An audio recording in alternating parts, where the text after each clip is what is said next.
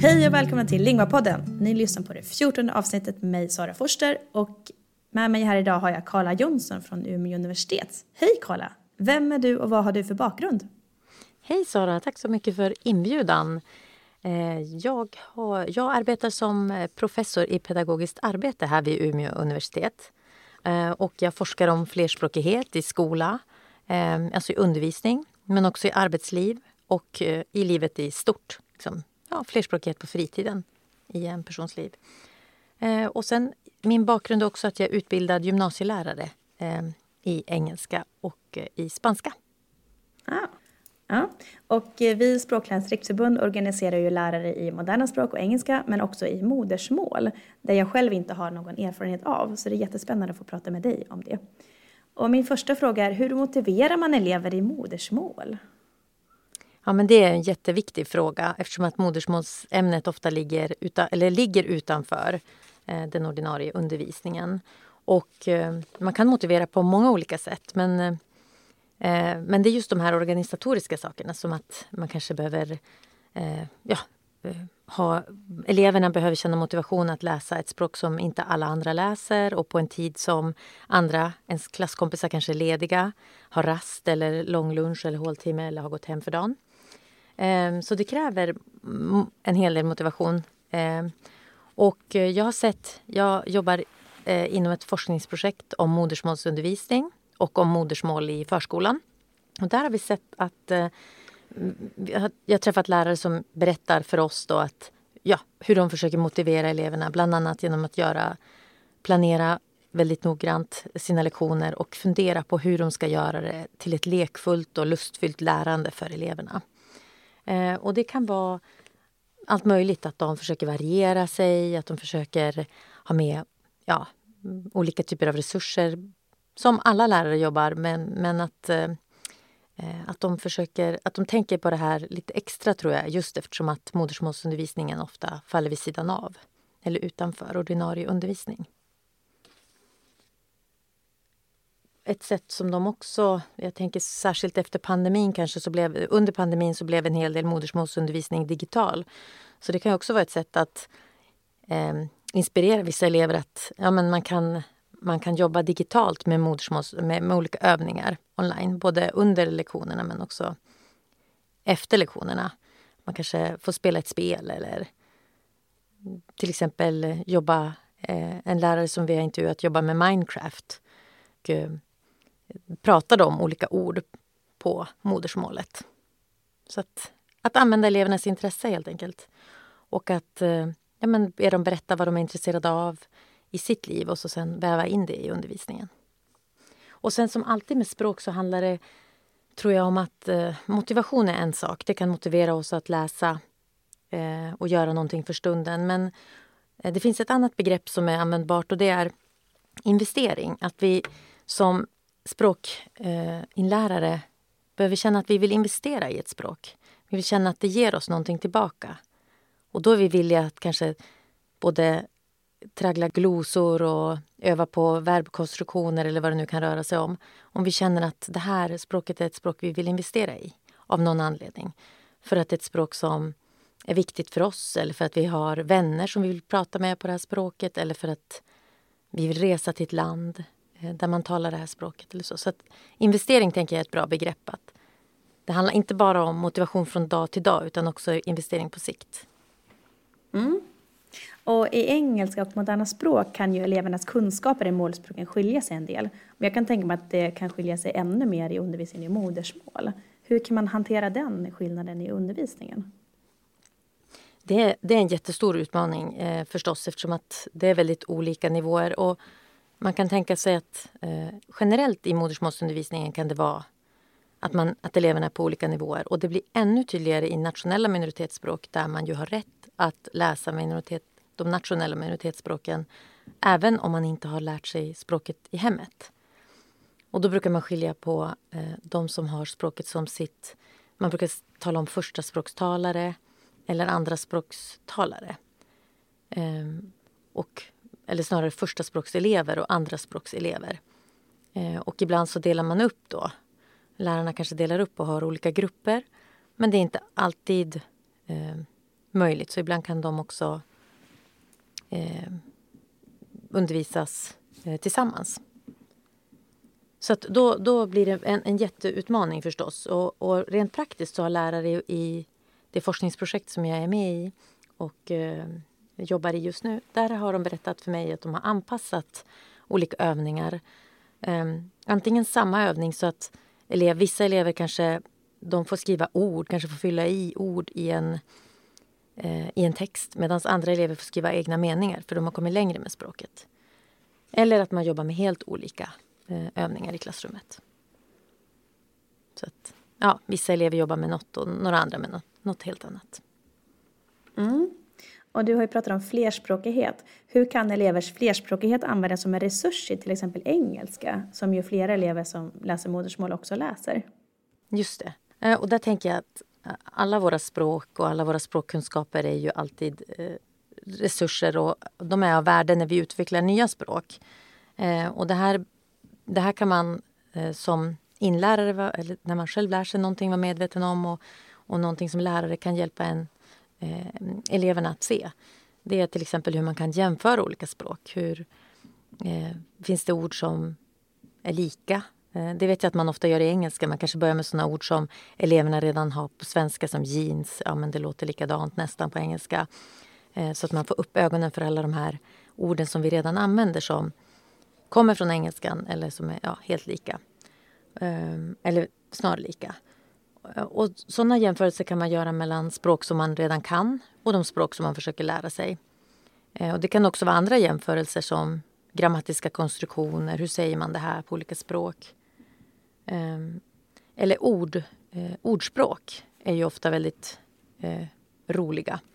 Och där kan man säga hur, hur säger man det här på ett annat språk? Det kan ibland vara helt, helt annorlunda konstruktioner.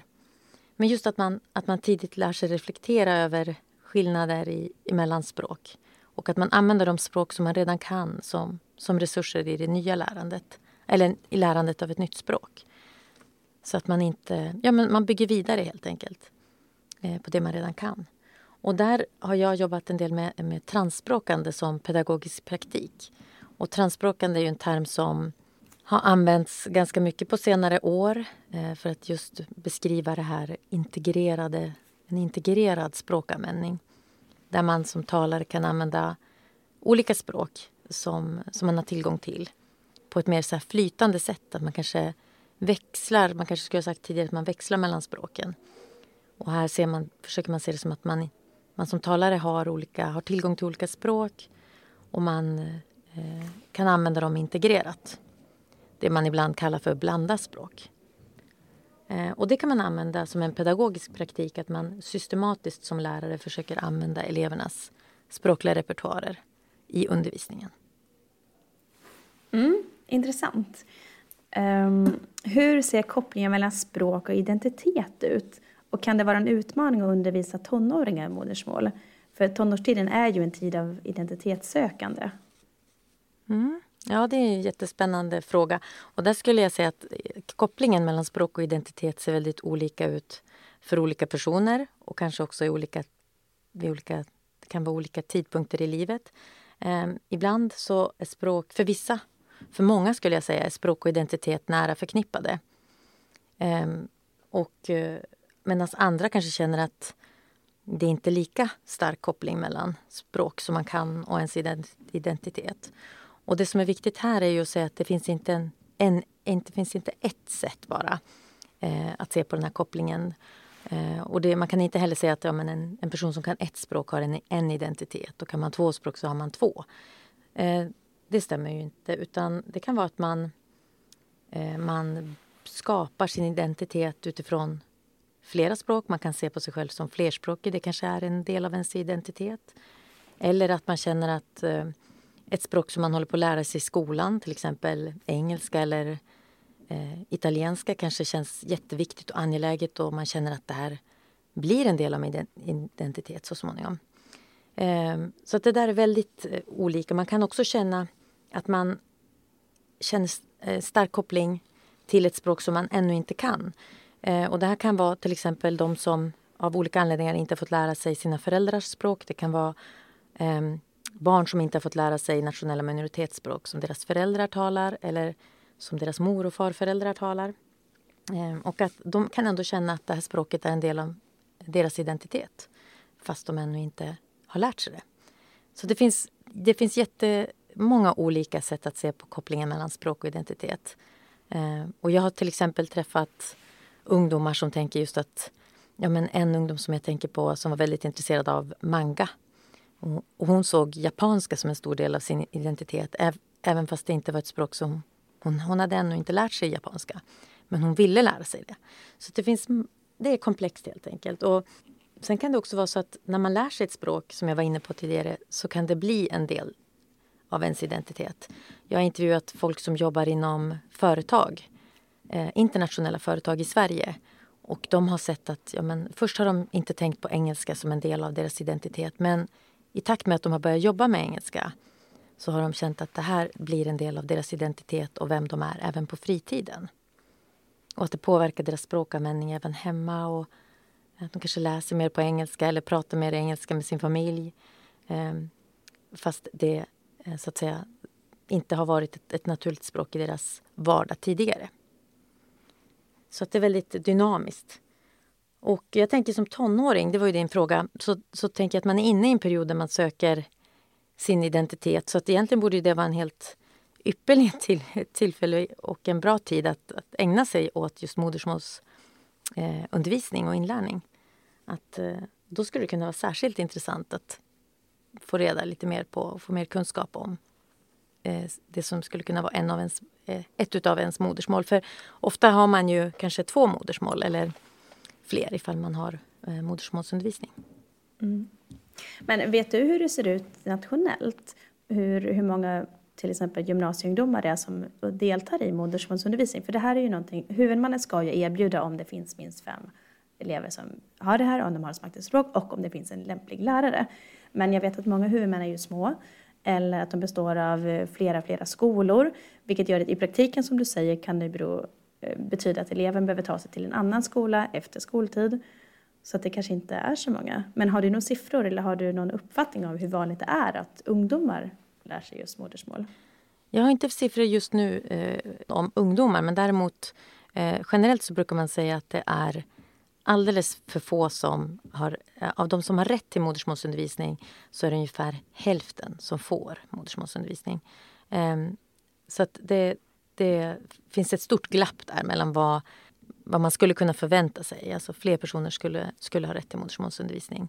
Många, många fler. Och där, eh, där kan det bero på många olika saker. Eh, det kan vara att eh, föräldrarna inte får information om att de har rätt att söka och inte vet om det. Det kan också vara så att, man, att en elev till exempel har haft modersmålsundervisning men har av olika anledningar eh, kanske valt att inte fortsätta med modersmålsundervisningen eller att man vid en, en termin inte har gett modersmålsundervisning och då blir det svårare att komma tillbaka till, till modersmålsundervisningen senare. Så det kan, det kan ha många anledningar. Eh, och det, det, är någonting som förstås är, är, tråkigt att det finns en sån eh, tendens att, in, att så pass många som har rätt till modersmålsundervisning inte får det. Jag tänker också, att det finns ju också en politisk dimension i just flerspråkighet och framförallt alltså ekonomisk lönsamhet om man nu ska prata om att det ska finnas fem elever och sådär. Men hur, vad finns det för koppling mellan just politik och eh, språk och flerspråkighet? Mm. Jag skulle säga att eh, språk är alltid kopplat till makt och därför så blir det en, en, en, en väldigt eh, ja, en fråga som har att göra med, med dagsaktuella eh, frågor och med, med, politik och med, med ekonomi och så vidare. Eh, vårt språk existerar ju förstås inte i något vakuum utan vi, vi, eh, hur vi uttrycker oss och vilka språk vi pratar och, eh, kan, kan ofta vara kopplat till just makt. Eh, och sen om man tänker då ekonomiskt så eh, är det ju intressant att se, och det här har många andra reflekterat kring också, just det här att Eh, å ena sidan kan man säga att det är kostsamt att, att undervisa modersmålsundervisning. Eh, men å andra sidan kan man också tänka att eh, det är ju billigare på ett sätt, att, eller på alla sätt skulle jag säga, att underhålla ett språk som elever redan har med sig än att, som vi också gör, vi, vi, vi erbjuder ju modersmåls, eller förlåt, eh, undervisning i moderna språk. Och där lär vi ju alla elever, eller vi ger eleverna en möjlighet att lära sig ett språk från grunden. Och det kräver ju mer undervisning och mer pengar eh, än vad det gör att underhålla ett språk som eleverna redan har med sig när de kommer till skolan. Så att den där diskussionen om ekonomi den är skev egentligen från början. Man kan tänka eh, det är klart att det kostar, men, men kunskap kommer ju alltid, eh, om man tänker med, med ett pris, all kunskap, vi behöver lärare och så vidare. Eh, men eh, om man tänker då på vilka resurser som det erbjuder, både individen och samhället i stort. För vi behöver personer som är flerspråkiga, vi behöver personer som har en flerspråkig kompetens.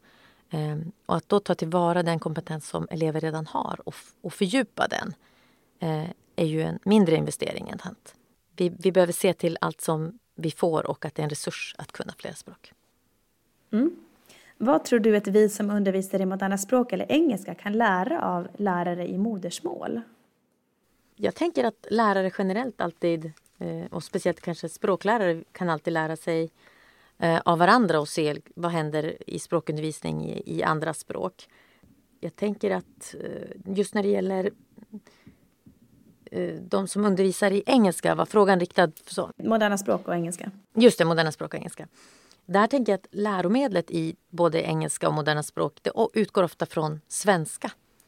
Eh, att man, man har svenska som eh, grund, så att säga. Man, man kanske ger information om övningar på svenska och så ska de, eleverna fylla i eller skriva saker på engelska eller moderna språk.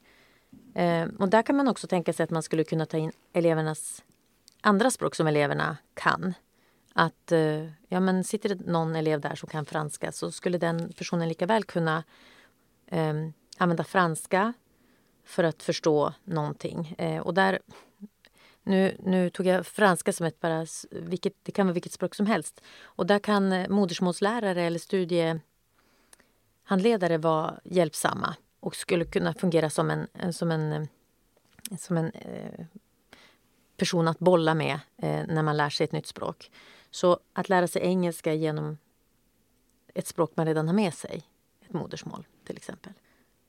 Och där har jag skrivit någon liten text och resonerat kring eh, hur, hur vi eh, eh kan använda transspråkande även där. Alltså att vi gör redan det i, i undervisningen av engelska. Vi använder svenska jättemycket eh, och eh, pratar svenska för att förklara någonting. Och det, jag tänker här har jag också sett både i min och andras forskning att ja, men lärare de förklarar på svenska och så säger man vi ska göra det här.